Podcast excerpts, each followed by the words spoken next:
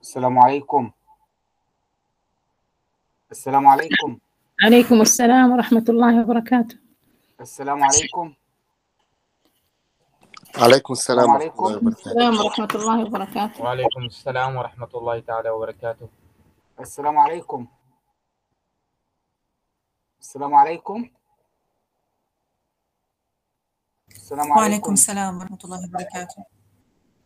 وعليكم السلام ورحمة الله السلام عليكم يا وبركاته شباب آه آه ما خدتش بالي. أنا. السلام عليكم.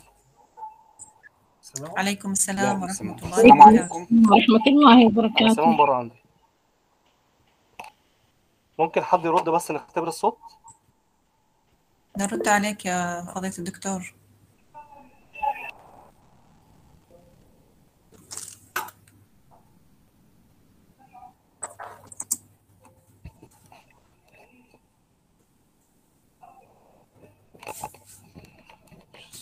الصوت هم سامعينك بس انت. مش سامعهم هم. بيتكلموا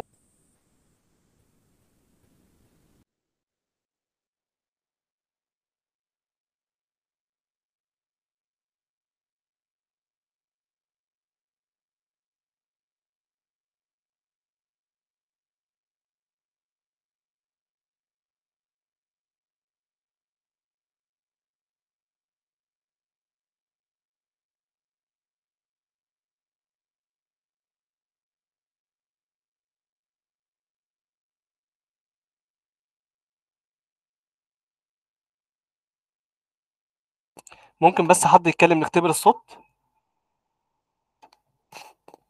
السلام عليكم ورحمة الله وبركاته. آه الصوت كده ظاهر.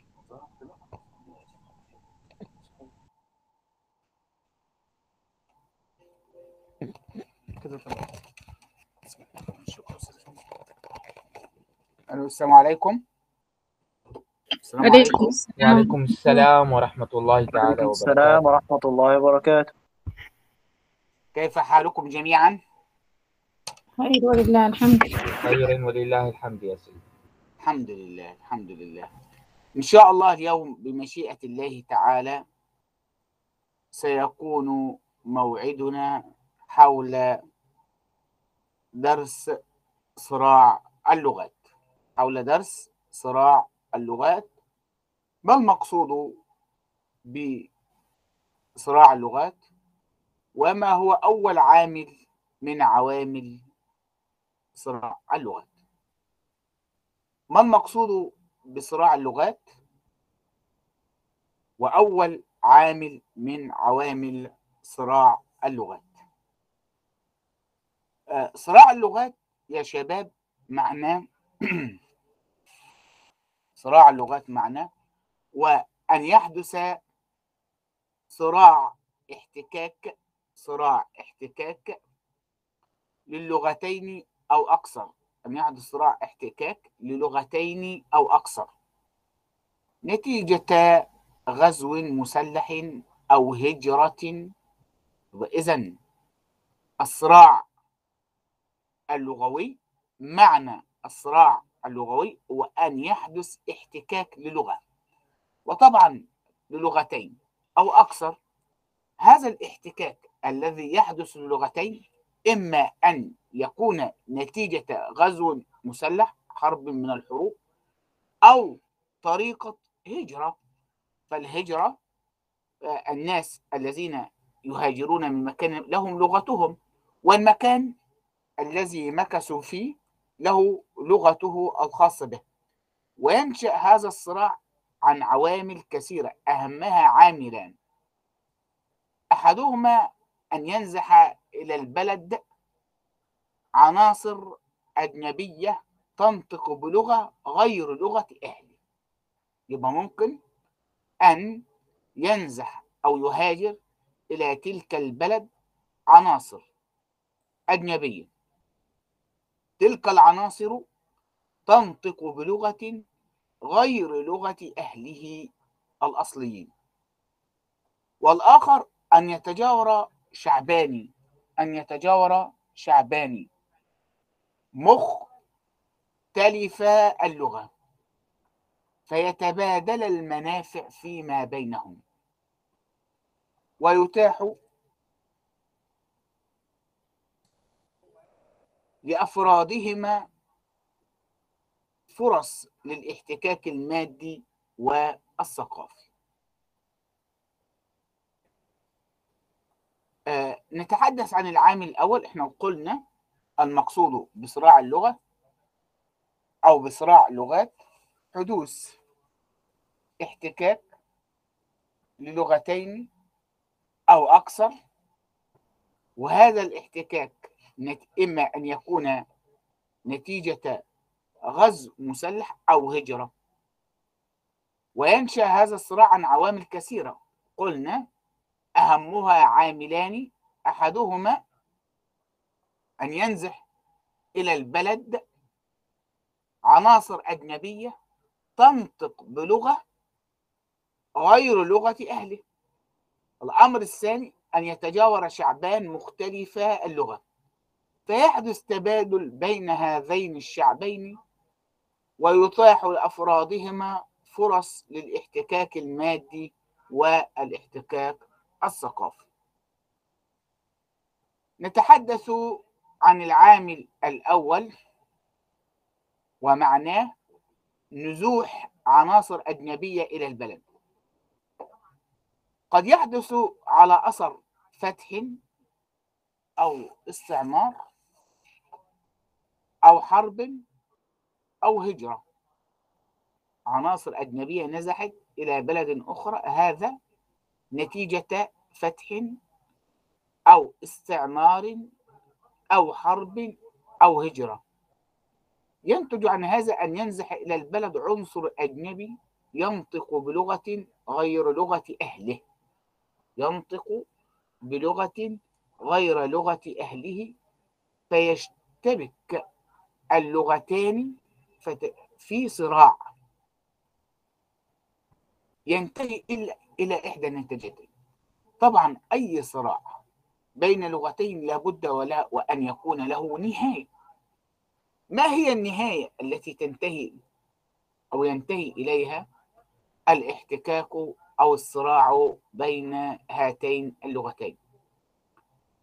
فطبعا يا شباب ممكن أن تنتصر لغة منهما على الأخرى وهذا أمر وارد. صح يا شباب؟ معايا؟ معايا يا شباب؟ نعم معك يا سيدي. نعم صحيح آه. معك. نعم. فأحيانا تنتصر لغة منها منهما على الأخرى وهذا نتيجة طبيعية. فتصبح لغة جميع السكان قديمهم وحديثهم اللغة الإيه؟ اللغة المنتصرة.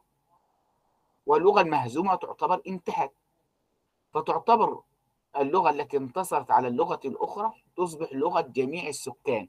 قديمهم وحديثهم أصيلهم ودخيلهم وأحيانا لا تقوى واحدة منهما على الأخرى فتعيشان معا جنبا لجنب فتعيشان معا جنبا لجنب. يبقى إذا إما يعني لغة أجنبية دخلت على لغة أجنبية على لغة أجنبية أخرى نتيجة نتيجة فتح أو استعمار أو حرب أو هجرة إلى غير ذلك. فالنتيجة إما أن يكون أحد أمرين انتصار أحدهما على الآخر وهذا نتيجة طبيعية. فتصبح اللغة المنتصرة هي لغة جميع السكان قديمهم وحديثهم أصيلهم طبعا ودخيلهم. ما المقصود بالأصيل وما المقصود بالدخيل؟ ما المقصود بأصيلهم وما المقصود بدخيلهم؟ حد يعرف الإجابة؟ هل هناك أحد يعرف الأصيل- الإجابة؟ الأصل تفضل. نو تفضل. تفضل. سيدي تفضل. الأصيل هو س- آه، الأصيل هو ساكن البلد الأصلي. والدخيل آه، هو من من هو من استعمر هذا البلد أو من هاجمها؟ أليس كذلك؟ نعم نعم. آه، نعم. بارك الله إجابة ممتازة. آه، فتصبح لغة جميع السكان قديمهم وحديثهم أصيلهم ودخيلهم واحيانا لا تقوى واحدة منهما على الأخرى فتعيشان معا جنبا إلى جنب. نشرح إيه الحالات التي يحدث فيها تغلب إحدى اللغتين. تحدث النتيجة الأولى وهي أن تتغلب إحدى اللغتين على الأخرى فتصبح لغة جميع السكان كما قلنا أصيلهم ودخيلهم في حالتين. نود أن نعرف الحالتين.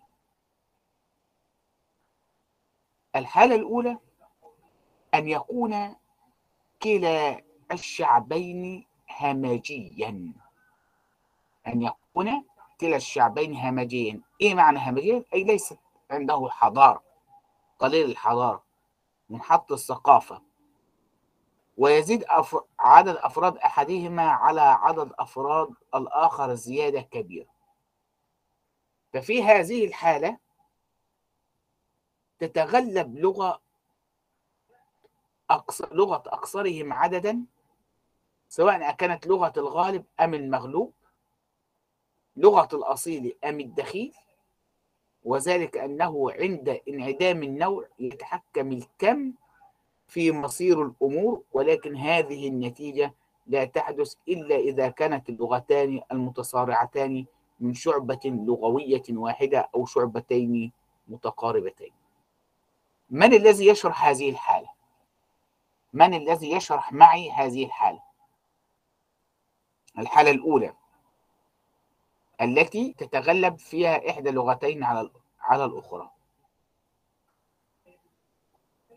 أود إجابة من يعرف معي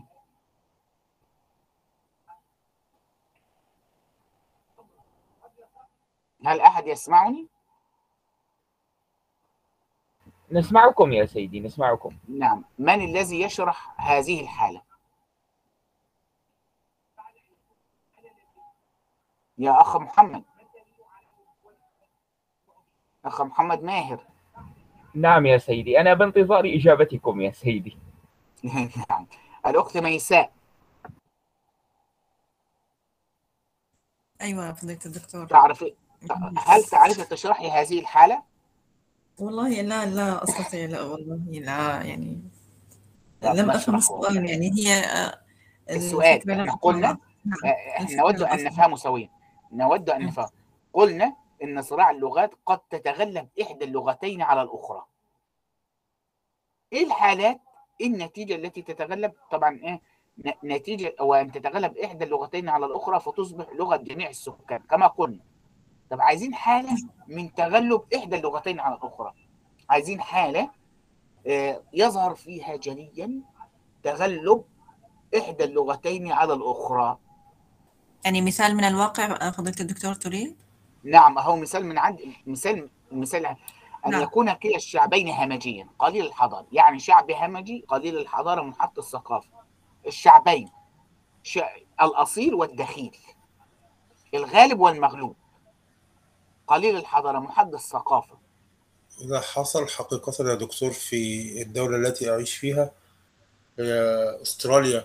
كان هناك سكان أصليين يدعى يدعون ال- الأبروجنر نعم. آه، فكان فكان ليس لهم حضارة ولغتهم ضعيفة ولما آه، جاء ال- الإنجليز من إنجلترا و- وبريطانيا تغلبت اللغة الإنجليزية على على لغتهم فسادت اللغة الإنجليزية. نعم. إحنا في الحالة الأولى بنتحدث عن لو كان آه، طبعا لو كلا كلا الشعبين همجيا قليل الحضارة منحط الثقافة الاكثر عددا لغة الاكثر عددا هي التي تتغلب على لغة الأقل عددا.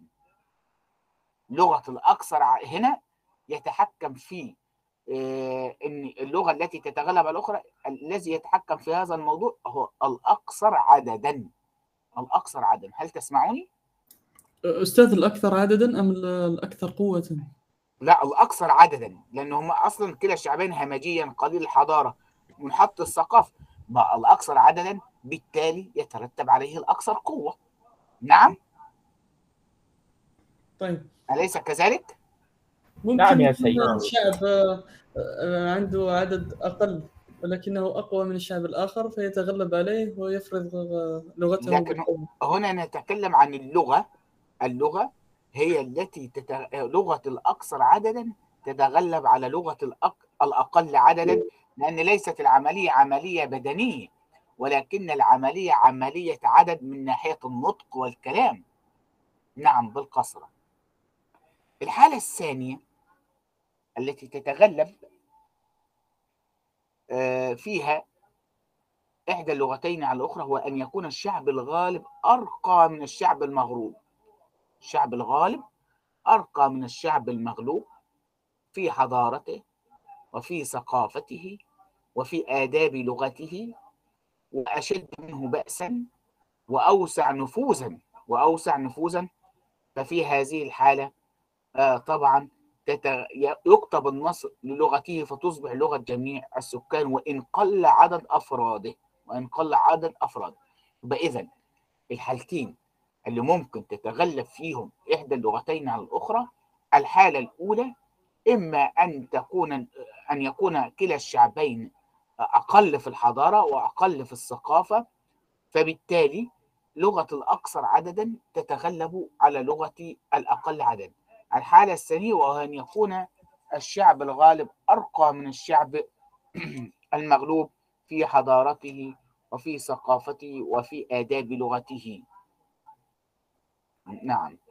وأدب وأشد منه بأسا وأوسع نفوذا ففي هذه الحالة طبعا يكتب النص لغته زي المثال اللي قاله الأستاذ أحمد طلع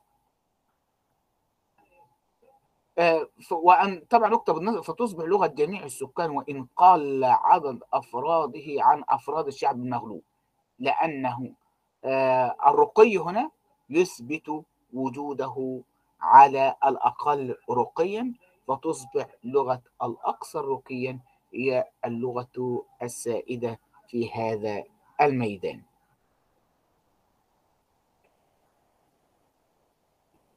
طبعا شريطة أن تدوم الغلبة والقوة مدة مدة كافية طبعا وأن تقيم بصفة دائمة جالية يعتد بها من أفراده في بلاد الشعب المغلوب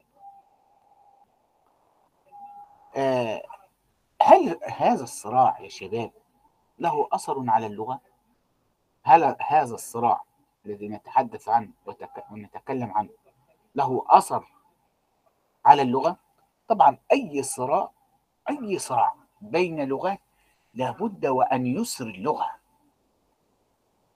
لابد نعم إذا القصر الرقي التقدم طبعا. نعم إجابة ممتازة. أقول إن أي آه، انتصار أو أي صراع على اللغة لابد له وأن يكون له أثر. أي صراع على اللغة لابد وأن يكون له أثر آه، فغني عن أن أي انتصار لا يتم إلا بعد أمد طويل طبعا وجهاد عنيف لا يخرج المنتصر من معاركه على الحالة نفسها التي كان عليها. يعني المنتصر نفسه ما يخرجش على الحالة النفسية التي كان عليها آه، قبل. فاللغة التي يتم لها الغلب لا تخرج سليمة من هذا الصراع أيضا. لابد وأن ينتابها بعض التأثير. بل إن طول احتكاكها باللغة الأخرى يجعلها تتأثر بها في كثير من مظاهرها في كثير من مظاهرها وخاصة في المفردات طبعا.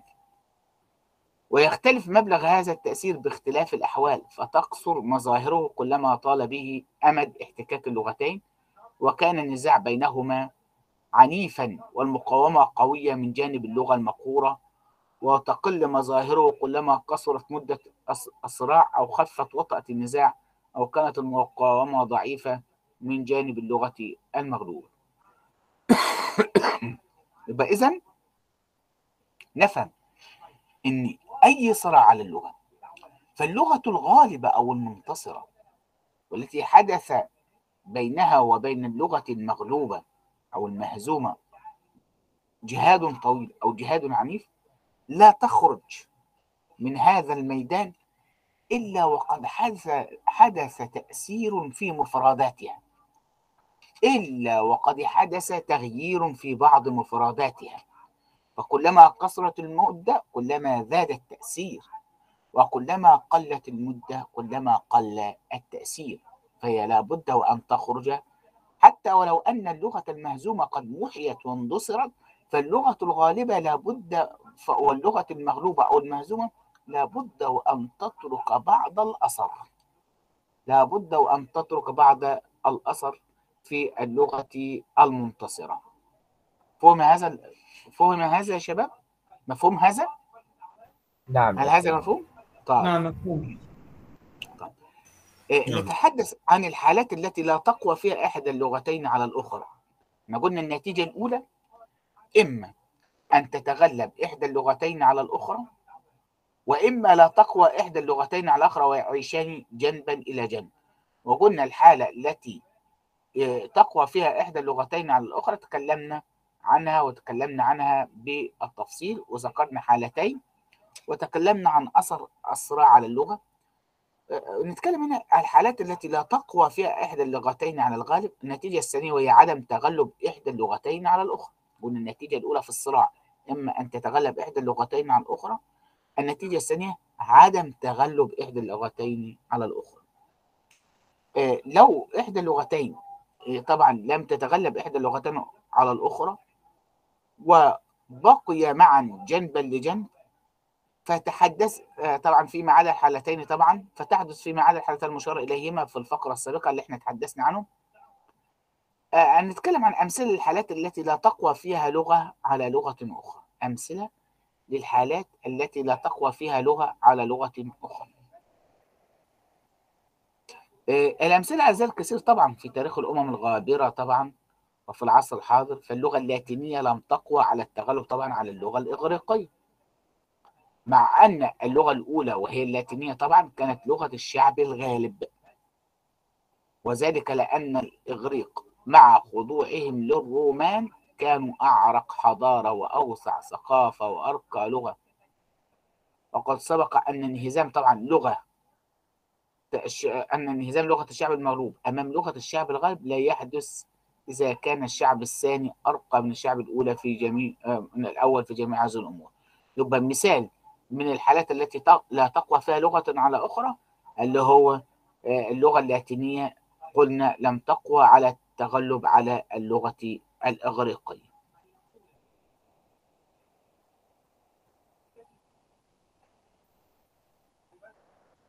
اللغة الإغريقية.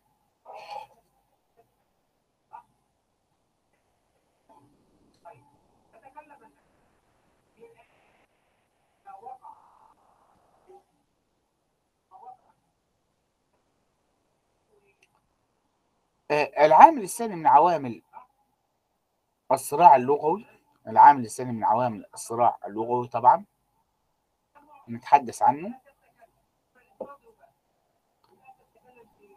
العامل الثاني من عوامل الصراع اللغوي هو تجاور شعبين مختلفي اللغة. تجاور شعبين مختلفي اللغة. قلنا يتيح تجاور شعبين مختلفي اللغة فرصا كثيرة لاحتكاك لغتين. هناك شعبان متجاوران ولكنهما مختلفان في اللغة. طبعا مختلفي اللغة. في فرص كثيرة تأتي لاحتكاك لغتهم فتشتبكان في صراع. ينتهي إلى واحدة من النتيجتين نفسي نفسيهما اللتين ينتهي بهما الصراع الأول اللي هو الصراع في العام الأول. فأحيانا تنتصر إحدى اللغتين على الأخرى وتحتل مناطقها في الكلام. كما قلنا في انتصار لغة على لغة ما فتصبح لغة مشتركة بين الشعبين. وأحيانا لا تقوى واحدة منهما على الأخرى فتعيشان معا جنبا إلى جنب. قلنا العامل الثاني تجاور شعبين مختلفي اللغة تجاور شعبين مختلفي اللغة. يتاح لتجاور شعبين مختلفي اللغة فرصا كثيرة لاحتكاك لغتيهما. فرص كثيرة لاحتكاك لغتيهما. فتشتبكان في صراع. فتشتبكان في صراع. ينتهي هذا الصراع إلى واحدة من النتيجتين نفسيهما اللتين ينتهي إليهما الصراع في العامل الأول. قلنا اللغتان اللتان تعيشان جنبا إلى جنب إما أن تنتصر إحدى اللغتين على الأخرى فتنتصر إحدى اللغتين على الأخرى وتحتل مناطقها وتصبح لغة مشتركة بين المنطقتين. وإما ألا تقوى واحدة منهما على الأخرى فيعيشان أو تعيشان معا جنبا لجنب. تعيشان معا جنبا لجنب.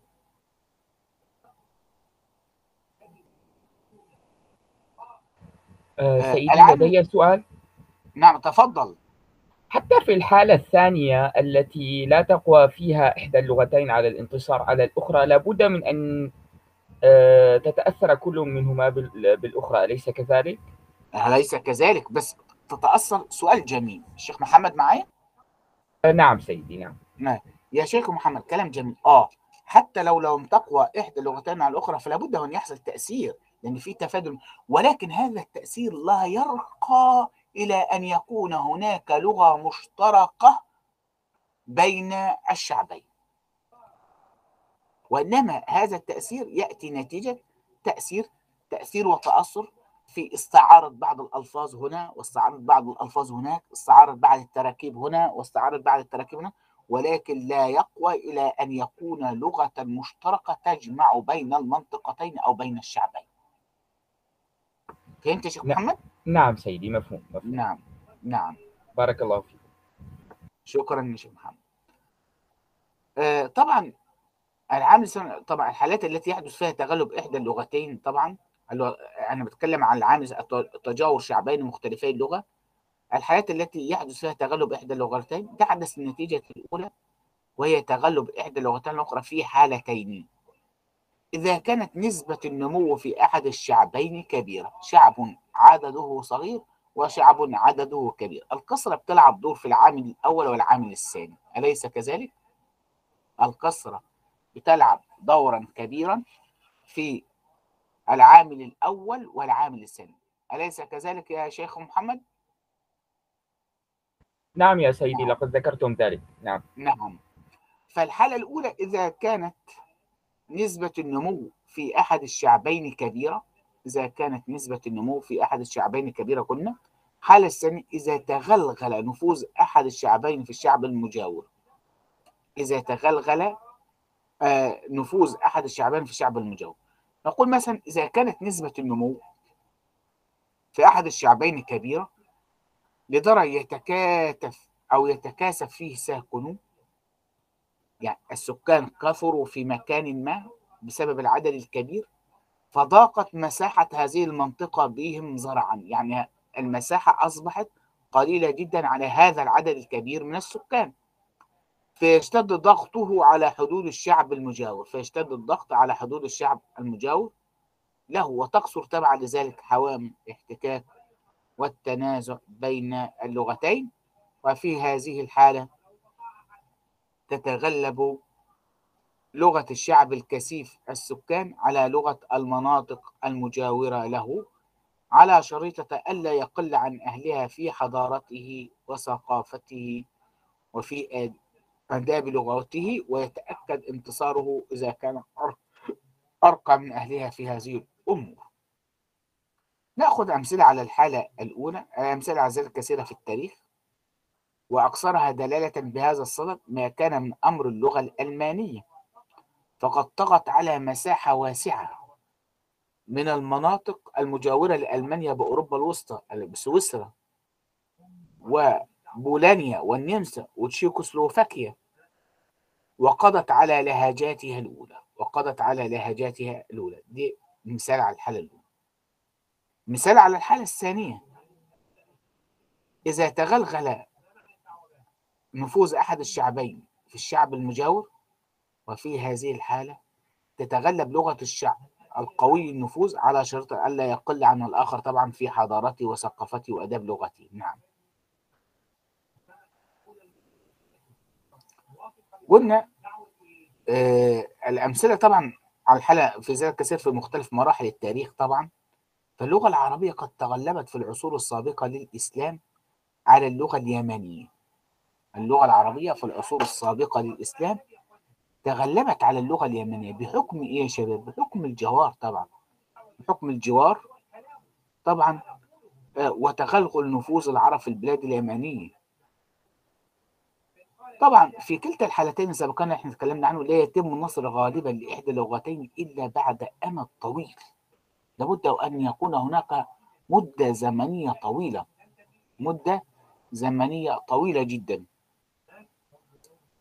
آه، مدة زمنية طويلة آه، طبعا هذه المدة الزمنية تزيد يبلغ بضعة قرون طبعا فالصراع بين الألمانية والفرنسية بسويسرا. آه، قد بدأ منذ عهد سحيق ومع ذلك لم يتم بعد للألمانية النصر النهائي. والصراع بين اللغة الفرنسية واللسان. السلطة الذي يتكلم به البرتونيون طبعا هذا طبعا سكان مقاطعة البريتون قد نشب منذ عدة قرون. نتكلم الآن عن أثر لغة قريش على اللغات المضرية أو المضرية.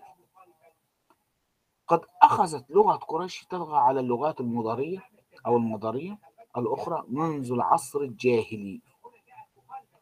ومع ذلك ظلت آثار هذه اللغات واضحة في كثير من المواطن إلى أواخر العصر العباسي. يبقى قد أخذت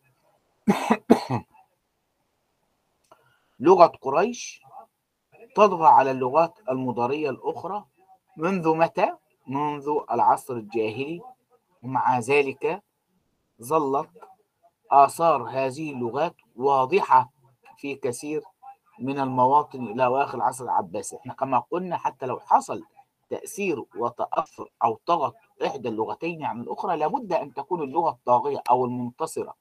لابد وأن تتأثر تأثرا ولو تأثرا قليلا باللغة المهزومة.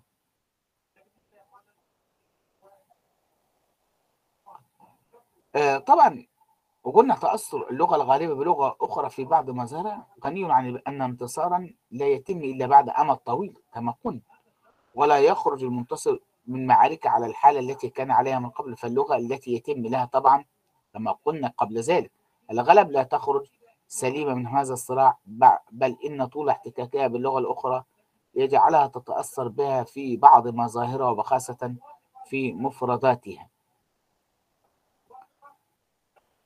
فإن تجرد عامل تجاور شعبين مختلفي اللغة الذي نحن بصدد الكلام عنه طبعا من عنف النزاع وشدة المقاومة وحدوث نتائجه في صورة سليمة متدرجة بطيئة كل ذلك يعمل على وقاية اللغة الغالبة ويخفف من تأثرها باللغة الإيه؟ بلغة المغلوبة.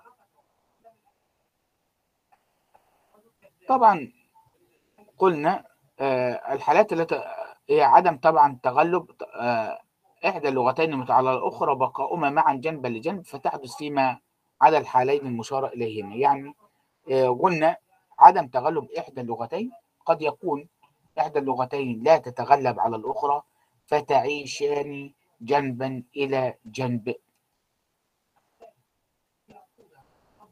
وطبعا آه نذكر أمثلة على الحالات التي لا تقوى فيها إحدى اللغتين على التغلب. يدخل في هذا الباب طبعا معظم العلاقات بين اللغات المتجاورة في العصر الحاضر. فالجوار بين فرنسا وإنجلترا وألمانيا وأسبانيا والبرتغال لم يؤدي إلى تغلب لغة شعب منها على لغة شعب آخر. لماذا يا شباب؟ أسأل هذا السؤال. أسأل هذا السؤال. قلنا بعض الأمثلة يعني في العصر الحاضر في لغات تعيش جنبا إلى جنب مثل فرنسا وإنجلترا وألمانيا وأسبانيا والبرتغال وغير ذلك لم يؤدي ذلك إلى تغلب لغة شعب منها على شعب آخر. أود إجابة يعني شافية كافية في هذا المجال. أود إجابة شافية كافية في هذا المثل من الذي يجاوب؟ من الذي يجيب؟ شيخ محمد سيدي هل لأن جميع هذه الدول المذكورة أصحاب حضارات قوية أصحاب حضارات قوية و لا إله إلا الله ويتمتعون بقوة وكثرة عدد.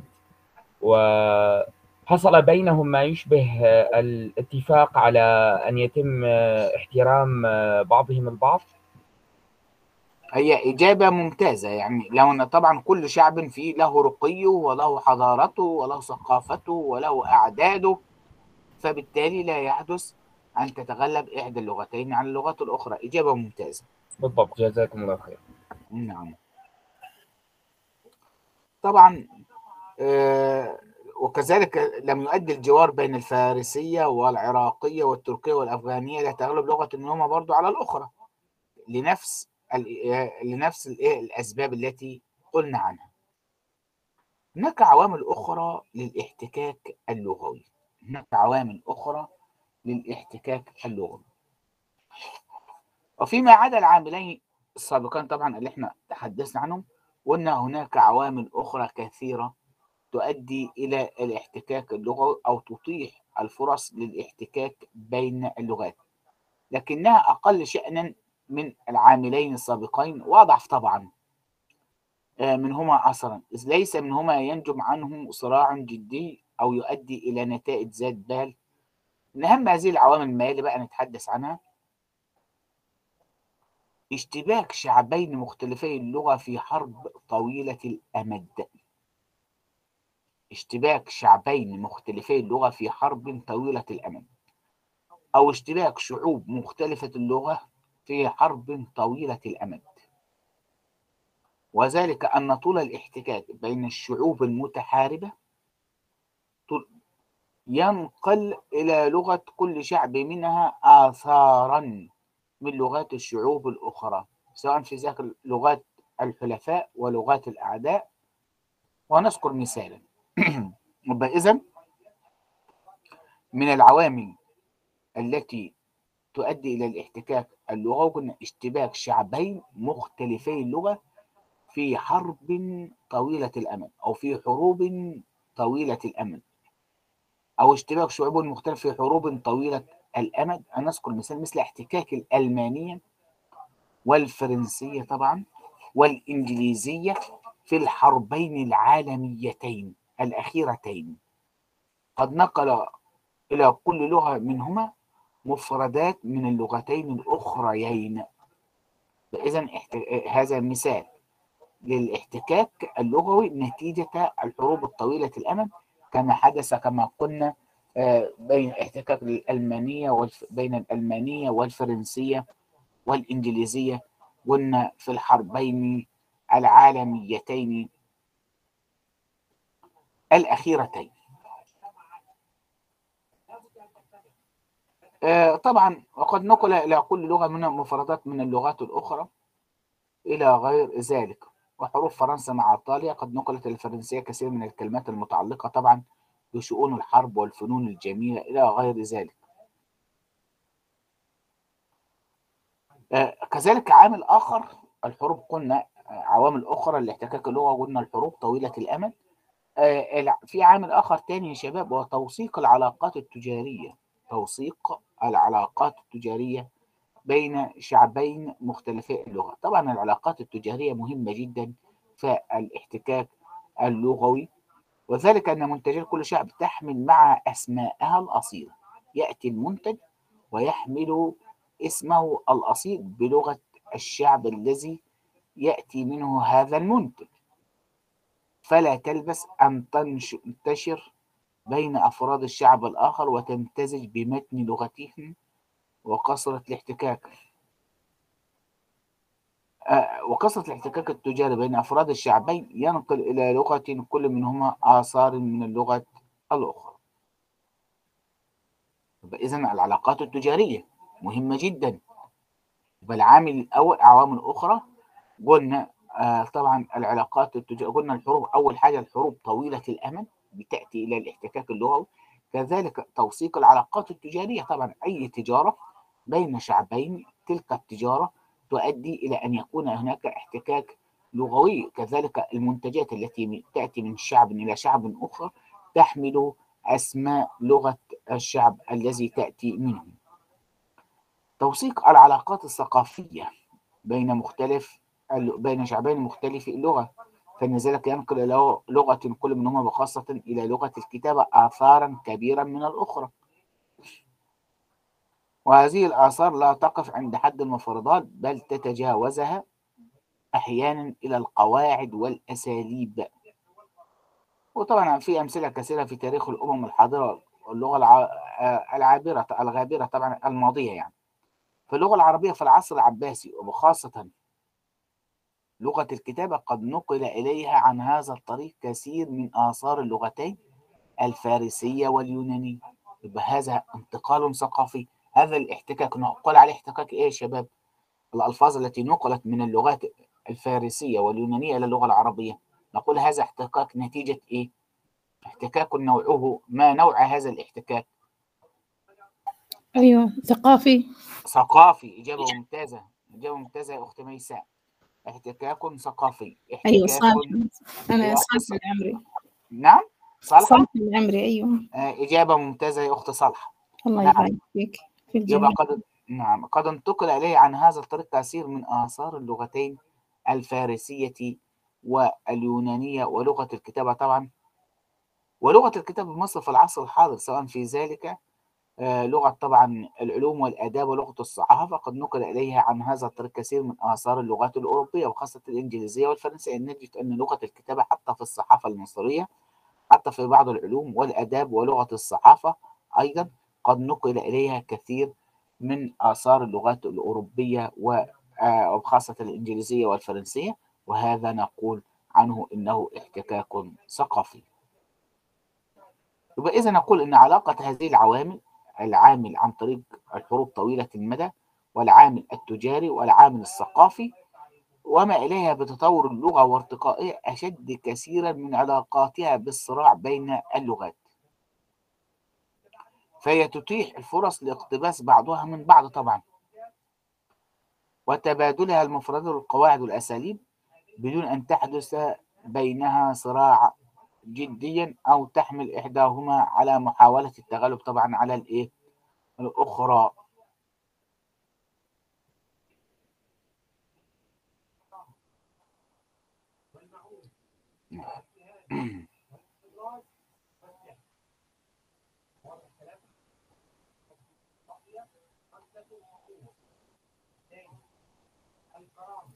نتحدث الآن أيضا عن انتقال اللغة من السلف إلى الخلف وتأثرها باللغات الأخرى. انتقال اللغة من السلف إلى الخلف وتأثرها باللغات الأخرى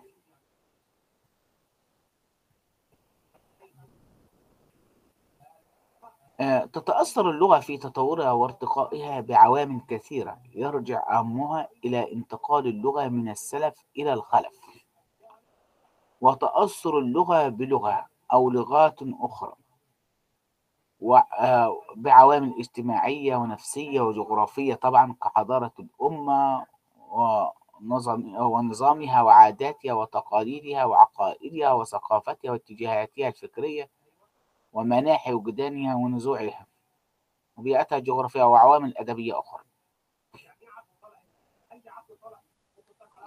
انتقال اللغة من السلف إلى الخلف وأثره في التطور اللغوي.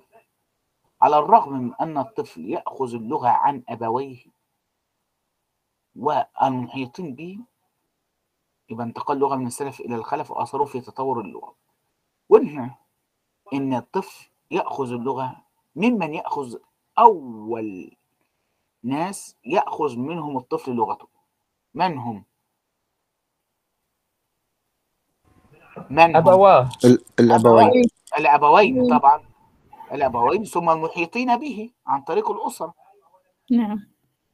فإن لغة الخلف في كل أمة تختلف عن لغة السلف في كثير من المظاهر وبخاصة مظاهر الصوت طبعا. قلنا فيه يعني هناك تغير يعني ولذلك من ضمن الأشياء التي تؤدي إلى وجود اللهجات آه، الأصوات تفاعل الأصوات وانتقال الأصوات والأصوات تلعب دور مهم جدا آه، قد آه، التطور الذي يحدث للأصوات اللغوية وذلك عن طريق اختلاف أعضاء النطق من إنسان لآخر ومن عصر لآخر في آه، يعني في النوعية في طريقة الكلام طريقة النطق إلى غير ذلك. آه، أسباب وجود اختلاف اللغة عند انتقالها من- سلف لخلف. يرجع جزء يسير آه، من نواحي هذا الاختلاف. يرجع طبعا جزء يسير من نواحي هذا الاختلاف إلى أمور خاصة مقصورة على بعض الأفراد كالعيوب الصوتية التي يصاب بها بعض الناس. وضعف السمع واختلاف أعضاء النطق. وما إلى ذلك. آه، نواحي الاختلاف في اللغة عند انتقالها من نواحي. آه، يعني نتكلم معظم نواحي هذا الاختلاف وأكثرها تطورا في تطور في تطور اللغة. ترجع إلى أمور عامة. ترجع إلى أمور عامة يشترك فيها جميع أفراد الطبقة الواحدة. ويمتازون بها عن أفراد الطبقة السابقة لهم كالتطور الطبيعي لأعضاء النطق في الفصيلة الإنسانية كما قلنا في تطور طبيعي لأعضاء النطق لأن أعضاء النطق في تطور طبيعي مضطرد فتختلف في كل طبقة عنها في الطبقة السابقة لها. فالظواهر النفسية والاجتماعية لها أثرها على اختلاف اللغة. الظواهر النفسية والاجتماعية وأثرها على اختلاف اللغة. أن التطور الطبيعي للظواهر النفسية كالقوى العقلية أن التطور الطبيعي للظواهر النفسية كالقوى العقلية بمختلف أنواعها التي تكون في تطور طبيعي مضطرد تختلف في كل طبقة عنها في الطبقة السابقة لها. شأنها في ذلك طبعا شأن أعضاء النطق. ومن الواضح أن كل تطور يحدث في هذه القوة ينبعث صداه في اللغة. طبعا. والأخطاء التي تنتشر بين الصغار في طبقة ما ولا يفطن إليها الكبار لدقتها وخفائها أو يهملون إصلاحها أي أخطاء سواء من الناحية الصوتية أعضاء النطق نطق بعض الألفاظ نطق بعض الكلمات نطق بعض الحروف آه، فالكبار لا يهتمون بها ولا ويهملون إصلاحها. وكثرة استخدام الكبار طبعا في جيل ما لبعض المفردات في غير موضع لها عن طريق طبعا التوسع أو المجاز لدواعي طبعا اجتماعية. فتنتقل هذه المفردات إلى الجيل طبعا اللاحق بمعانيها المجازية. أحيانا قد يكون الكبار يأتون بألفاظ حقيقية وألفاظ مجازية نتيجة التوسع في اللغة فأحيانا تنتهي هذه الألفاظ الحقيقية وتنتقل تلك الألفاظ؟ المجازية فيحدث هناك تطور فهناك نتائج تترتب على الظواهر النفسية طبعا والاجتماعية آه، طبعا من هذا يظهر أن الناحية هامة من نواحي التطور ترجع إلى عوامل جبرية لا اختيار للإنسان فيها ولا يد له على وقف آثارها أو تغيير ما تؤدي إليه ومن هذا يظهر كذلك أنه ليس في قدرة الأفراد أن يقفوا أن يوقفوا طبعا تطور اللغة أو يجعلوها تجمد على وضع خاص. فمهما أجادوا في وضع معجماتها وتحديد ألفاظهم وضبط القواعد وتحديد الألفاظ والمدلولات وما أجادوا أنفسهم في إتقان تعليمها للأطفال طبعا يعلموا الأطفال القواعد والأساليب وفي وضع آه، طريقة ثابتة سليمة يسير عليها المعلمون بهذا الصدد. ومهما بذلوا من قوة طبعا في محاربة ما يطرأ عليها من لحن وخطأ وتحريف فإنها لا تلبس أن تحطم هذه الأغلال طبعا. مهما يفعلوا ومهما ي- يضعوا فلا بد أن يكون فيها تحطم لهذه الأغلال وتفلت من هذه القيود وتصير في السبيل التي تريدها على السير فيها سنن التطور طبعا. والارتقاء آه، آه، نتكلم عن التحكم في لغة الكتابة وأثره على الحياة اللغوية للأمة. التحكم في لغة الكتابة وأثره على الحياة اللغوية للأمة. آه، حقا أنه يمكن أحيانا التحكم في لغة الكتابة والجمود بها زمنا طويلا. على أصولها طبعا القديمة. ممكن نتحكم في لغة الكتابة ونتحكم على الأصول القديمة بأصواتها ودلالاتها أو ما يقرب منها. ولكن لغة الكتابة آه، ولكن لغة الكتابة التي تجمد بهذا الشكل لا تمثل تمثيلا صحيحا حالة الحياة اللغوية في الأمة وتتسع كثيرا مسافة الخلف بينهما وبين اللغة وبين لغة المحادثة. لأن لغة المحادثة في تطور مضطرد ولا تستطيع أي قوة إلى تعويق تطورها سبيلا. فلا تنفك تبعد طبعا عن لغة الكتابة الجامدة حتى تصبح كل منهما غريبة عن الأخرى. طبعا لا غير ذلك. ظاهرة اختلاف لغة المحادثة عن لغة الكتابة.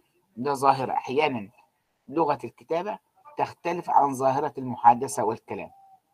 ظاهرة طبعا ظاهرة هذه لا تكاد تبدو إلا حيث تكون لغة المحادثة آه، غير تامة التكون ولا كاملة النمو ولا تبقى إلا ما بقيت لغة المحادثة على هذه الحال.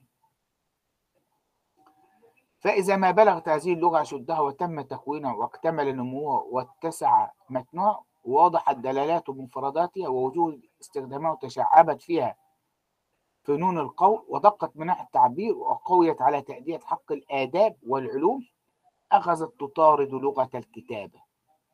لغة المحادثة أخذت يا شباب تطارد لغة الكتابة وتسلبها وظائف وتأخذ منها وظائفها. آه، يعني مثلا لما نقول ما أشبه لغة الكتابة الجامدة في الحالة السابقة بجبل ثلج ثابت. شبهوا لغة الكتابة الجامدة بجبل ثلج ثابت على ماء. جبل ثلج ثابت على ماء على ماء سطح البحر. ولغات المحادثة المتطورة بالتيارات المائية التي تموج تحتها. هذا مثال محسوس من الواقع. شبهوا لغة الكتاب الجامدة بجبل ثلج ثابت بجبل ثلج ثابت على ماء سطح البحر. ولغات المحادثة المتطورة بالتيارات المائية التي تموج تحتها فمهما طال بقاء هذا الثلج فإن مصيره إلى التحطيم والذوبان وحينئذ تطفو تلك التيارات إلى سطح البحر وتعيد إليه ما كان مستورا. وتعيد إليه طبعا ما كان مستورا تحت هذا الجبل الجامد من مظاهر النشاط والحياة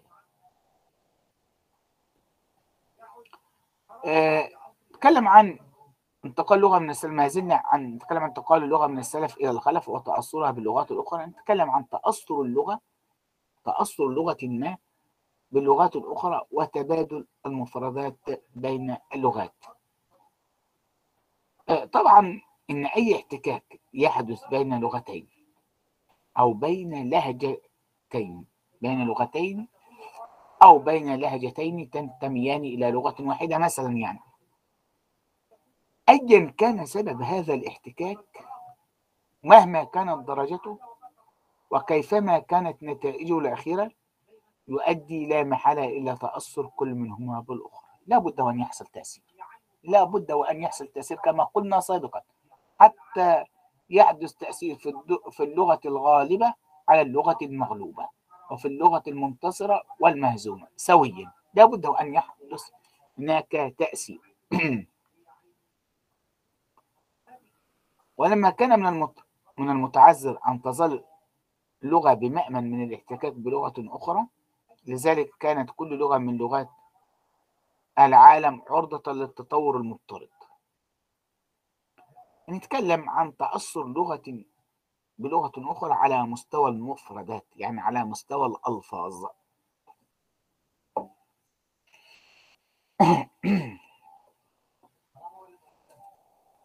إن تأثر لغة بلغة أخرى على مستويات المفردات إن أهم ناحية يظهر فيها هي الناحية اللي تتعلق بالمفردات طبعا لأن أكتر تأثير بيكون في الألفاظ المفردة. مش في الأساليب والتراكيب ولكن في الألفاظ المفردة آه، كما سبق آه، تكلمنا عنه قبل ذلك. ففي هذه الناحية على الأخص تنشط طبعا حركة التبادل بين اللغات ويقصر اقتباس اللغات بعضها من بعض.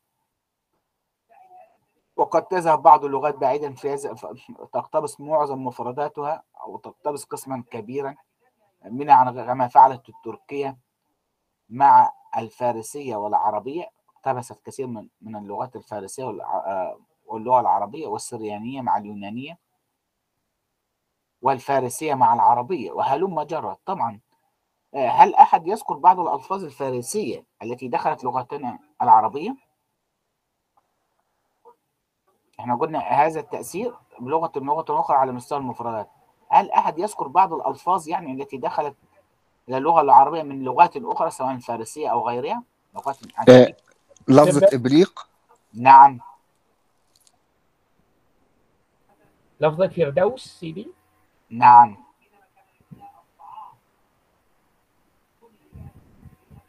مم. يا شباب. يا أخت صالحة استبرق. استبرق ماشي قلنا ها؟ ما قلت يا أخ أحمد طلعت. السندس س- ماشي. إجابة ممتازة. أود أود كلمات كثيرة. من يقول؟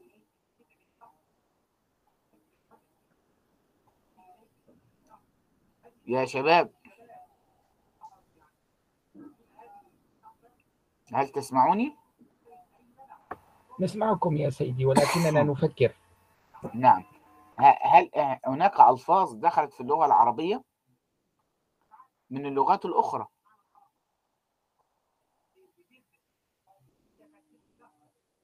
بعض بعض بعض الأخوة قالوا السندس والاستبرق. هل هناك ألفاظ أخرى؟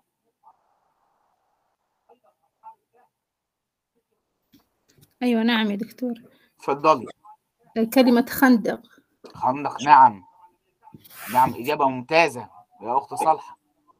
بارك فيك. هناك أحد يتكلم في إجابة أخرى؟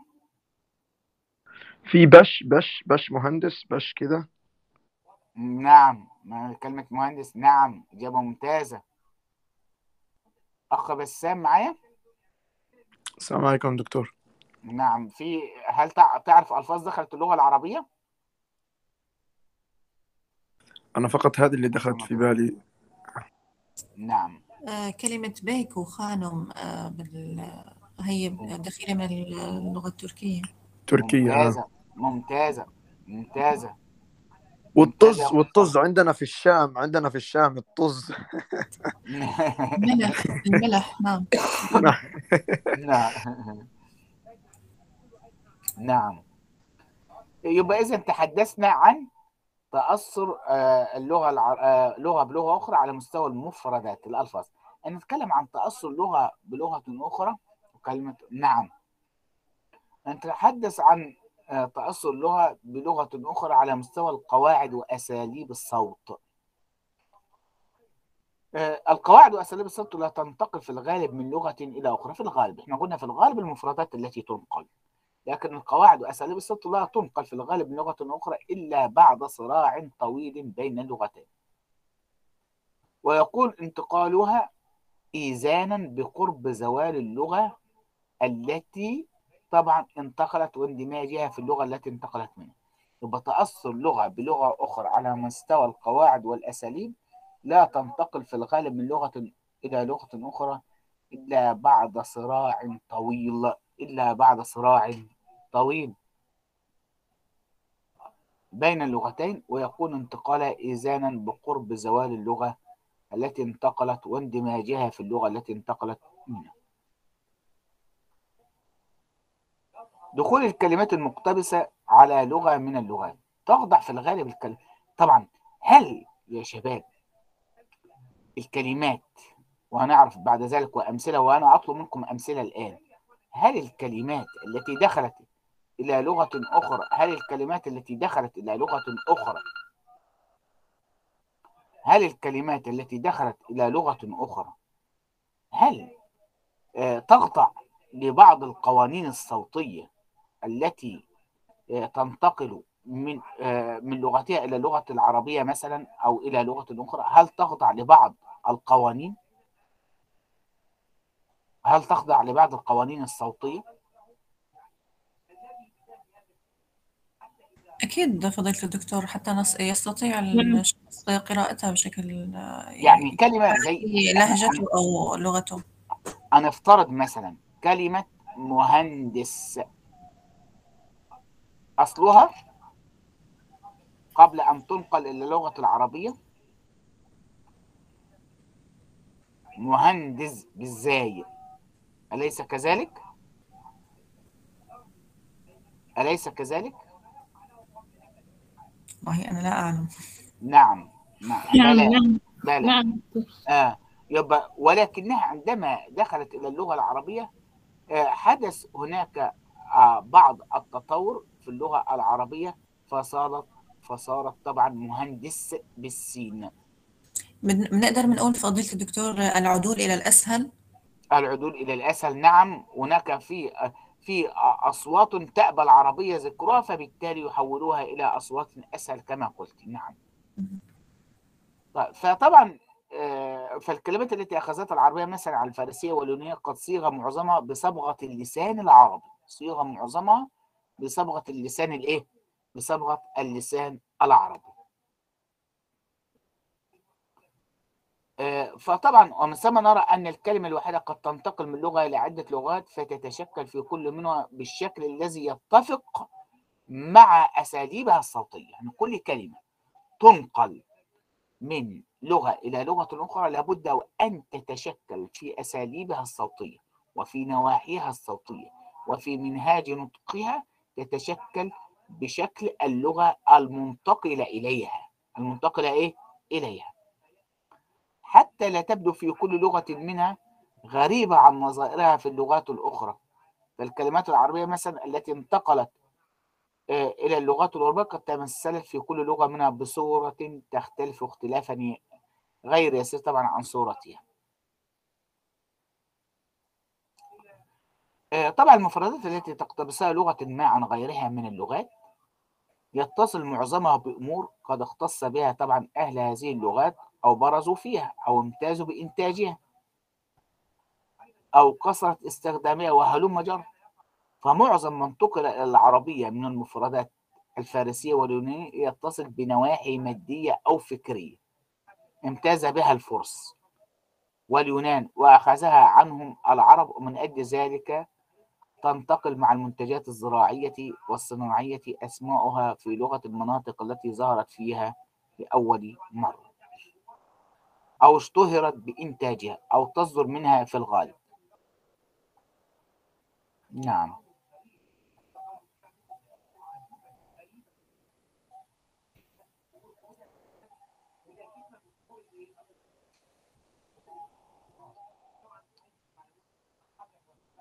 طبعا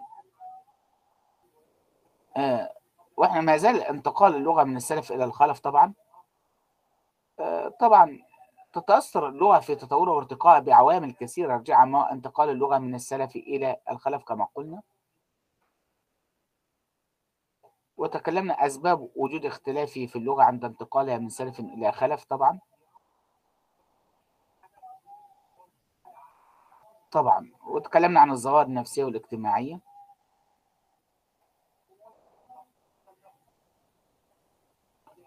آه، طبعا نتكلم عن أثر العوامل الاجتماعية والنفسية والجغرافية في خصائص اللغة. أثر العوامل الاجتماعية والنفسية في خصائص اللغة. طبعا آه، تأثر اللغة بحضارة الأمة. أثر العوامل الاجتماعية والنفسية والجغرافية في خصائص اللغة وتطورها. آه، طبعا تأثر اللغة بحضارة الأمة. اللغة بتتأثر طبعا بحضارة الأمة. تتأثر اللغة. أيما كان التأثر بحضارة الأمة ونظمها وتقاليدها وعقائدها واتجاهاتها ودرجة ثقافتها ونظرها إلى الحياة وأحوال بيئتها الجغرافية وشؤونها الاجتماعية العامة طبعا وما إلى ذلك. فكل تطور يحدث في ناحية من هذه النواحي يتردد صداه في أداة التعبير. ولذلك تعد اللغات أصدق سجل لتاريخ الشعوب لأن اللغات تتأثر بحضارة الأمة وتقاليدها وعقائد الأمة واتجاهات كل ذلك تتأثر به اللغات فبحق تعتبر اللغات سجل حافل لتاريخ. آه، الشعوب لتاريخ الشعوب ولذلك كنا عرفنا كثيرا من أخبار العرب كيف عرفنا أخبار العرب؟ كيف وصلتنا أخبار العرب؟ عن طريق عن ماذا؟ طريق اللغة العربية. عن طريق اللغة لا العربية. من الشعر. من من الشعر الشعر. من الشعر نعم. العربي. إجابة فهو ممتازة. ديوان العرب. هو ديوان العرب. فلذلك اللغات هي أصدق سجل لتاريخ الشعوب.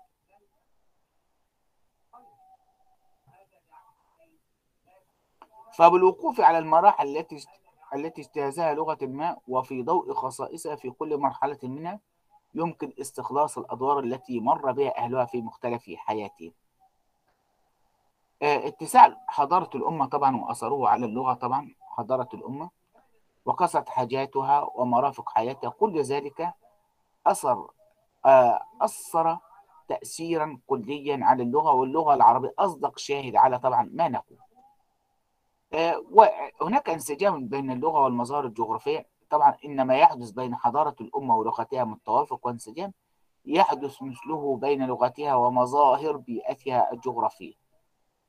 ف- في جميع خصائص آه، الخصائص الطبيعية طبعا تنطبع في لغة سكانها ومن أجل ذلك نشأت فروق كبيرة في مختلف مظاهر اللغة بين سكان المناطق الجبلية وسكان الصحراء. بين سكان المناطق الجبلية وسكان الصحراء وسكان الأودية وبين سكان المناطق الشمالية والوسطى والجنوبية. وما زال نشأت فروق في طبعا غير يسيرة بين الفصيلة اللغة بل بين لهجات اللغة الواحدة لأن لهجات البدو تختلف عن لهجات الحضر كما قلنا قبل ذلك. طبعا والذي ترتب على انسجام اللغة بالمظاهر أن كل لغة غزرت في المفردات التي تدور التي تدور حول مظاهر مظاهر بيئتها الجغرافية ودقت دلالاتها وانبثت طبعا في شتى فنون القول. ومن أجل ذلك أيضا كان قسط كبير من مادة الخيال والتشبيه في كل لغة مستمدة من مظاهر البيئة طبعا. وما طبعا وما اختصت به طبيعة البلاد من أجل ذلك أيضا تمثل في أسلوب اللغة وفنونها الأدبية. ما تختص بها بيئتها الطبيعية من تلبد أو صفاء أو قبح أو جمال أو صخب أو إلى غير ذلك.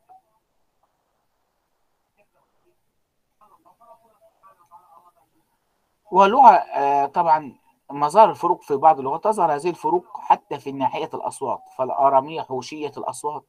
هناك فروق صوتية طبعا بين هذه بين هذه اللغات فالآرامية اللغة الآرامية حوشية الأصوات. صعبة النطق تلتقي في كلماتها المقاطع المتنافرة والحروف الساكنة والعربية. عذبة الأصوات سهلة النطق خفية الواقع على السمع إلى غير ذلك. آه، اللغة والعوامل الاجتماعية طبعا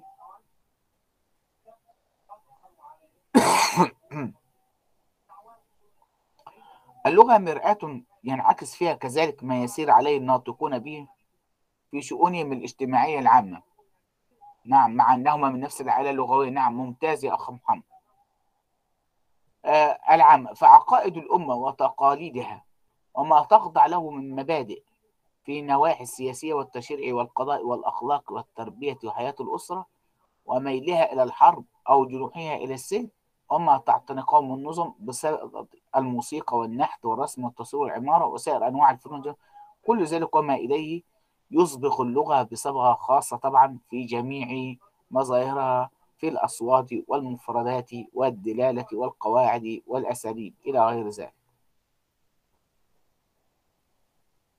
طبعا أثر الأسرة لها أثر كوحدة في المجتمع على اللغة آه، مثلا درجة القرابة التي تربط الفرد بكل من أسرة أبيه وأسرة أمه فإن الأم الأمم التي طبعا التي تسير آه، نظمها الاجتماعية على إنزال هاتين الأسرتين منزلة واحدة تقريبا في درجة قرابتهما للفرد تطلق تطلق لغتها كلمة أو ت- لغتها تتكلم لغة أو تطلق لغتها كلمة واحدة على كل من العم والإيه والخال زي كلمة أنقل وأنكل إلى غير ذلك. وابن وأنت وطبعا وطنط وأنت للعمة والخالة إلى غير ذلك. آه، إلى غير ذلك من الألفاظ على حين أن الأمم التي تفرق نظامها الاجتماعي بين هاتين الأسرتين في درجة قرابتهما للفرد تختلف في لغتها الكلمات الدالة على أفراد الأسرة.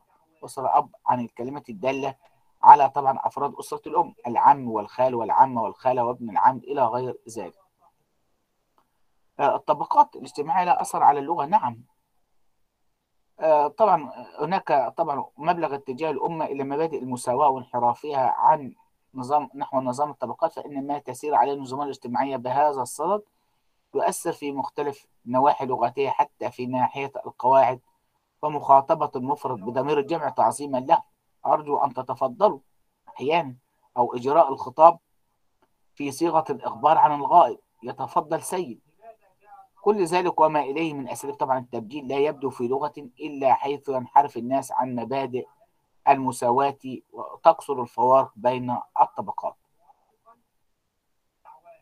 طبعا هناك أثر للبنية الأخلاقية للمجتمع على اللغة إن ما يكون عليه الأفراد من حشمة وأدب في شؤونهم ومعاملتهم وعلاقاتهم بعضهم ببعض ينبعث كذلك صدى في اللغة. والألفاظ لابد وأن يختار الألفاظ واللغة والتراكيب التي آه، طبعا آه، آه، يسير أو تسير أو تتواكب مع أخلاق المجتمع أو مع أخلاق أو مع الأخلاق التي يكون عليها الأفراد من حشمة وأدب في من حشمة وأدب في شؤونهم ومعاملاتهم وعلاقاتهم بعضهم ببعض.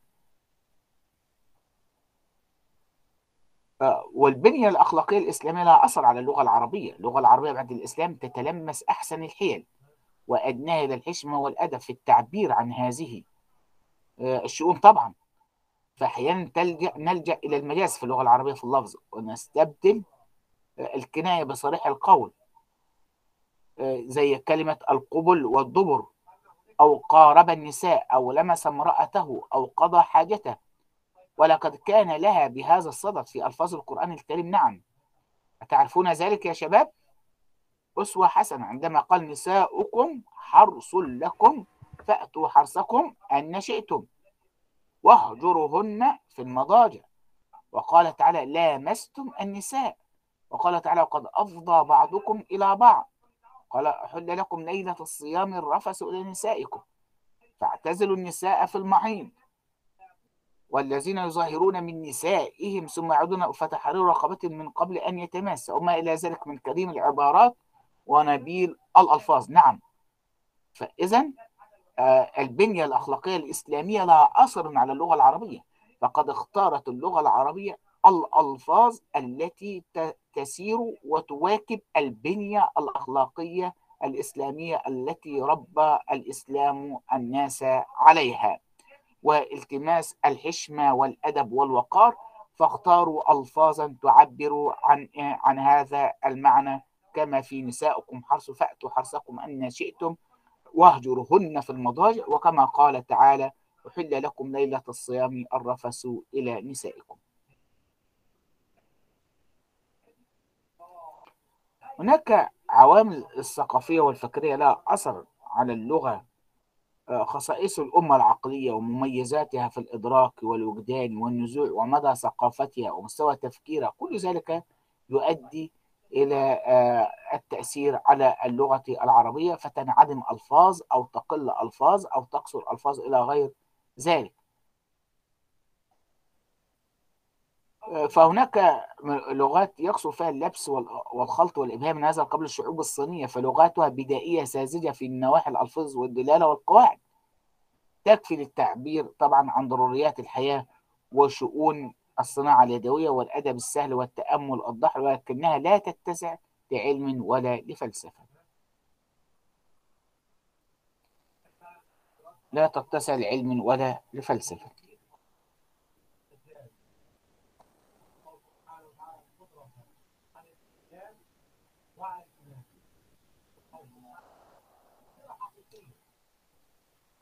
هنتكلم هنا عن العوامل الأدبية وأثرها على اللغة.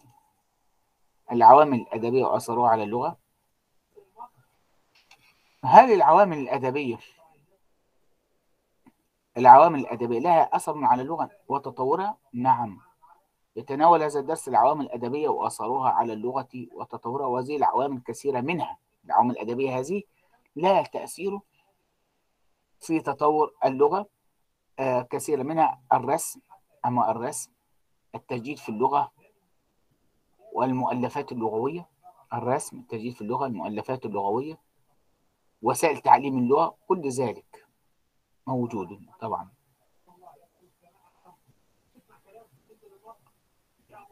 طبعا العوامل الأدبية المقصودة بها العوامل. أو المقصود بالعوامل الأدبية العوامل الأدبية المقصود وأثرها في حياة اللغة وتطورها خاصة في لغة الكتابة. طبعا قلنا الرسم التسجيل في اللغة البحوث اللغوية حركة التأليف إلى غير ذلك.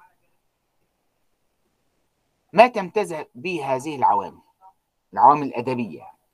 تمتاز هذه الطائفة من العوامل عن الطوائف الثلاث السابقة بأنها أمور مقصودة.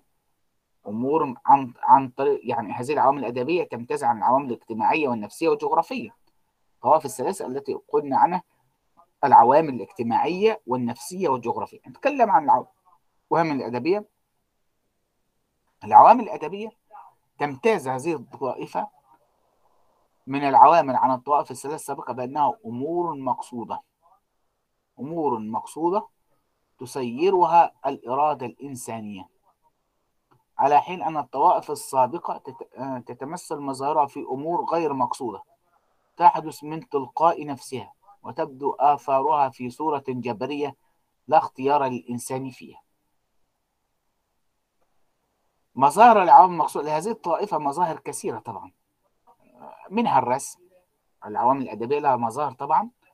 الرسم التجديد في اللغة التجديد في اللغة البحوث اللغوية حركة التأليف والترجمة وسائل التعليم تعليم اللغة طبعا. الرسم نتكلم عن الرسم. قلنا لم يتح الرسم إلا لعدد قليل من اللغات الإنسانية. لم يتح الرسم إلا لعدد قليل من اللغات الإنسانية. أما معظمها فقد اعتمدت حياته على مجرد التناقل الشفوي. فالشرط طبعا الأساسي لحياة اللغة طبعا هو التكلم بها لا رسمها. يبقى الرسم لم يتح إلا لعدد قليل من لماذا؟ لماذا لم يتح الرسم إلا لعدد قليل من اللغات الإنسانية؟ سؤال يا شباب شيخ محمد ماهر سؤال لماذا لم يتح الرسم إلا لعدد قليل من اللغات الإنسانية فقط؟ لماذا؟ لأن لأن غالب التعامل بين الناس هو تعامل شفهي نعم إجابة ممتازة نعم. عندي برضو مداخلة يا دكتور اتفضل آه لصعوبة الحصول على أدوات الكتابة في بعض الأزمنة. فكانت نعم. اللغة مك... منطوقة أكثر منها مكتوب. الله يفتح عليك يا شيخ هشام. بارك الله فيك. هل أحد يريد مداخلة؟ هل أحد يريد مداخلة؟ تفضل يا أخت صالحة. أيوة السلام عليكم. السلام ورحمة الله وبركاته. الاعتماد على الكلام. بس لا يعتمد على الكلام. أنا قلنا إن لم يتح الرسم في اللغات إلا لعدد قليل من اللغات الإنسانية. لماذا؟ لأنهم يعتمدون على الكلام أكثر. نعم نعم نعم فتح الله لك. ولك يا رب. نعم. أما معظمها فق... معظم اللغات اعتمدت حياته على مجرد التناقل الشفوي. معظم اللغات اعتمدت على ماذا؟ على التناقل الشفوي. فالشرط الأساسي لحياة اللغة طبعا هو التكلم بها لا رسمها شرط لحياة اللغة التكلم بها لا رسمها فكثيرا ما تعيش اللغة بدون أن يكون لها سند تحريري ولكن من المستحيل أن تنشأ لغة وتبقى بدون أن يكون لها مظهر صوتي مفهوم هذا؟ دكتور من المقصود برسم الكلمة هو رسم مثلا سيارة أرسم سيارة ولا. طريقة كتابة أو صياغة الكلمة كتابة الكلمة؟ كتابة طريقة كتابة أو, أو الرموز نعم. لكتابة الكلمات. نعم. يعني الحروف التي تتشكل منها الكلمة وليس صورة نعم. الشيء التي نعم نعم نعم. فتح الله لك. يبقى إذا أثر الرسم في حياة اللغة. للرسم في حياة اللغة ونهضتها آه، أثر كبيرة فبفضله تضبط اللغة وتدون آثارها ويسجل ما يصل إليه الذهن الإنساني وتنتشر المعارف وتنتقل الحقائق في الزمان والمكان. وهي قوام اللغات الفصحى ولغات الكتابة ودعامة بقائها. وبفضله كذلك أمكننا الوقوف على كثير من اللغات الميتة كالسنسكريتية والمصرية القديمة والإغريقية. الرموز بقى والرموز الكتابة دي عرفنا هذه اللغات عن طريق الرموز عن طريق الإيه؟ عن طريق الرموز. وترجع أساليب الرسم التي استخدمت في مختلف اللغات إلى أسلوبين اثنين. أسلوب الرسم المعنوي وهو الذي يضع لكل معنى صورة كما قلنا. يعني يعني الدرجة الأولى يضع لكل معنى صورة خطية. معي يا شباب؟ معي؟ أسلوب الرسم. نعم. آه, آه رسم معنوي. معايا يا أخت ميساء؟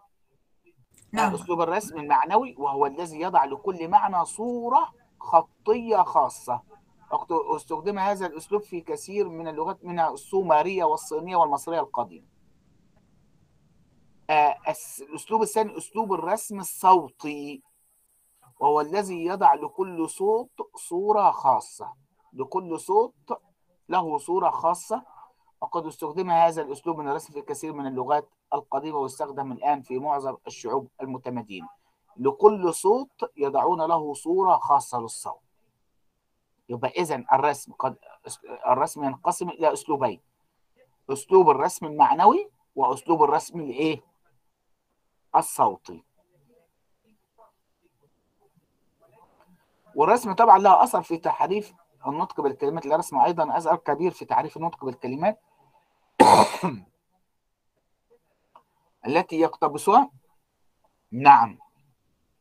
التي يقتبسها؟ أيضا أثر كبير في تعريف النطق التي يقتبسها الكتاب والصحفيون عن اللغات الأجنبية. وذلك أن اختلاف اللغات في الأصوات وحروف الهجاء ونطق بها وأساليب كل ذلك يجعل من المتعذر أن ترسم كلمة أجنبية في صورة تمثل نطقها الصحيح في اللغة التي اقتبست منها ثانيا هنتكلم عن حركة التجديد في اللغة. آه، آه، طبعا تبدو حركة التجديد المقصود في مظاهر كثيرة من أكبرها أصلا في التطور اللغوي الأمور الآتية طبعا حركة التجديد الم... التجديد. تأثر الأدباء والكتاب بأساليب اللغات الأجنبية بأساليب اللغات الأجنبية. فقد اقتبسوا أو ترجموا لمفرداتها ومصطلحاتها وانتفاعهم بأفكار أهلها وإنتاجهم الأدبي والعلمي. فلا يخفى ما لهذا كله من أثر بليغ في نهضة لغة الكتابة وتهذيبها واتساع نطاقها وزيادة ثرواتها. هناك مثال لتأثر الأدباء الكتاب بأساليب اللغات الأجنبية. نذكر مثال. إن أكبر قسط من الفضل في نهضة اللغة العربية طبعا في عصر بني العباس يرجع إلى إلى انتفاع الأدباء والعلماء باللغتين الفارسية والإغريقية. بقى هنا تأثر الأدباء والكتاب بأساليب اللغات الأجنبية. فقد حذوا حذوهم. الكتاب في عصر بني عباس حذوا حذوهم في ذلك العصر. الأدباء. حذوا حظر الأدباء والعلماء باللغتين يرجع لانتفاع الأدباء والعلماء باللغتين الفارسية والإغريقية. فقد أخذوا في ذلك العصر يترجمون آثارهم. ويعقبون عليهما بالشرح والتحليل. والتعليق ويستغ... آه طبعا ويستغلونهما في بحوثهم ويحاكون أسلوبهم ويقتبسون منها عددا كبيرا من المفردات العلمية وغيرها ويمزجونها بمفردات لغاتهم عن طريق تعريبها تارة وعن طريق ترجمتها تارة أخرى. فاتسع بذلك متن اللغة العربية وازدانت مرونة وقدرة على تدوين الآداب والعلوم. إحياء الأدباء والعلماء لبعض المفردات القديمة المجهورة طبعا. فكثيرا ما يلجؤون في ذلك للتعبير. العلماء أحيوا كثيرا من الألفاظ المهجورة. للتعبير عن معاني لا يجدونها في أنفسهم. فوجهوا للتعبير عن معاني لا يجدونها في المفردات المستعملة. ما يعبر عنها تعبير آه، تعبيرا دقيقا أو لمجرد الرغبة في استخدام كلمات غريبة أو في الترفع عن المفردات التي لا كن... التي طبعا ابتعدت عنها الألسنة الكاسية يبقى إحياء الأدباء والعلماء لبعض المفردات القديمة المهجورة. خلق الأدباء والعلماء لألفاظ جديدة. طبعا قلنا كثيرا ما يلجئ إلى ذلك للتعبير عن أمور مستحدثة في الحياة الاجتماعية أو الفكرية. طبعا لا يجدون في مفردات اللغة المستعملة ولا في مفرداتها الدائرة ما يعبر عنها تعبيرا دقيقا وقد لا يضطرهم ذلك إلا مجرد الرغبة في الابتداع أو مجانبة الألفاظ المتداولة المألوفة أو إبراز المعنى في صورة رائعة وتثبيته في الذهن المؤلفات اللغوية طبعا ما المقصود بالمؤلفات اللغوية؟ قلنا طبعا كل هذا يندرج تحت العوامل الأدبية وأثرها على اللغة المقصود بالمؤلفات اللغوية هي البحوث التي ترمي إلى حفظ اللغة وضبطها وسلامتها وتخليدها والوقوف على خواصها وتاريخها وآثارها وما إلى ذلك. تشمل المعجمات نعم. طبعا المعجمات المعجمات سواء كان معجمات المعاني والموضوعات أو معاجم الألفاظ ودوائر المعارف وكتب القواعد بمختلف أنواعها النحو والصرف والاشتقاق والوضع والبيان والمعاني والبديع. والأدب والتاريخ ودراسة أصوات اللغة ومخارجها ودلالة كلماتها وحياتها إلى غير ذلك. نشاط التأليف والترجمة في الآداب والعلوم والفنون. طبعا أثر نشاط التأليف والترجمة وغيرها في انتشار اللغة. هل أثر؟ نعم أثر. فمن الواضح أنه لا حياة للغة الكتابة بدون استخدامها في هذا الشؤون وأنه بمقدار نشاط أهلها في هذا الميدان تتاح لها وسائل الانتشار والرقي والنهوض خامسا طبعا تعليم لغة الكتابة. طبعا هناك دور المعاهد في تعليم لو تقوم معاهد التعليم في مختلف الأمم بأهم ناحية من هذه الوظيفة وإليها يرجع اللي هو لغة تعليم الكتابة ولا يرجع أكبر قسط من الفضل في حياة اللغة وتقليدها وسلامتها وما يتاح لها من نهوض فهي التي تعلم الصغار الكتابة والقراءة وتقويم الألسنة. وطبعا وتعتمد معاهد التعليم في آدابها في أدائها لهذه الوظيفة تعليم لغة الكتابة تعتمد على العوامل الأربعة التي تحدثنا عنها قبل ذلك وعلى طرق إعداد المؤلفين ومؤلفات التربية. ومؤلفات التربية وأساليب التعليم وما يتصل إلى ذلك وما تلقاه من إشراف وتعضيد ومعونة من جانب أولي الأمر والأسرات والهيئات والأفراد. فإذا انتهينا من العوامل الأدبية وأثرها على اللغة. العوامل الأدبية وأثرها على اللغة. تحدثنا في محاضرة اليوم عن صراع اللغات المقصود به وأول عامل من عوامله. وتحدثنا أيضا وتحدثنا أيضا عن العامل الثاني من عوامل تحدثنا عن عوامل الصراع اللغوي وتحدثنا أيضا عن انتقال اللغة من السلف إلى الخلف وتأثرها باللغات الأخرى وتحدثنا أيضا عن أثر العوامل الاجتماعية والنفسية والجغرافية في خصائص اللغة وتطورها. وتحدثنا أيضا عن العوامل الأدبية وأثرها على اللغة وفي نهاية المحاضرة أسأل الله لكم التوفيق والسداد والفلاح والنجاح والحصول على أعلى الدرجات. اللهم آمين يا رب العالمين. هل محاضرة اليوم كانت واضحة لكم؟ كانت واضحة؟ نعم يا دكتور واضحة. جزاك الله خير. نعم. جزاكم الله خير. وإلى اللقاء في المحاضرة القادمة إن شاء الله. والسلام عليكم ورحمة الله وبركاته. وعليكم السلام. عليكم. وعليكم السلام السلام ورحمة الله بارك الله فيكم وجزاكم الله كل خير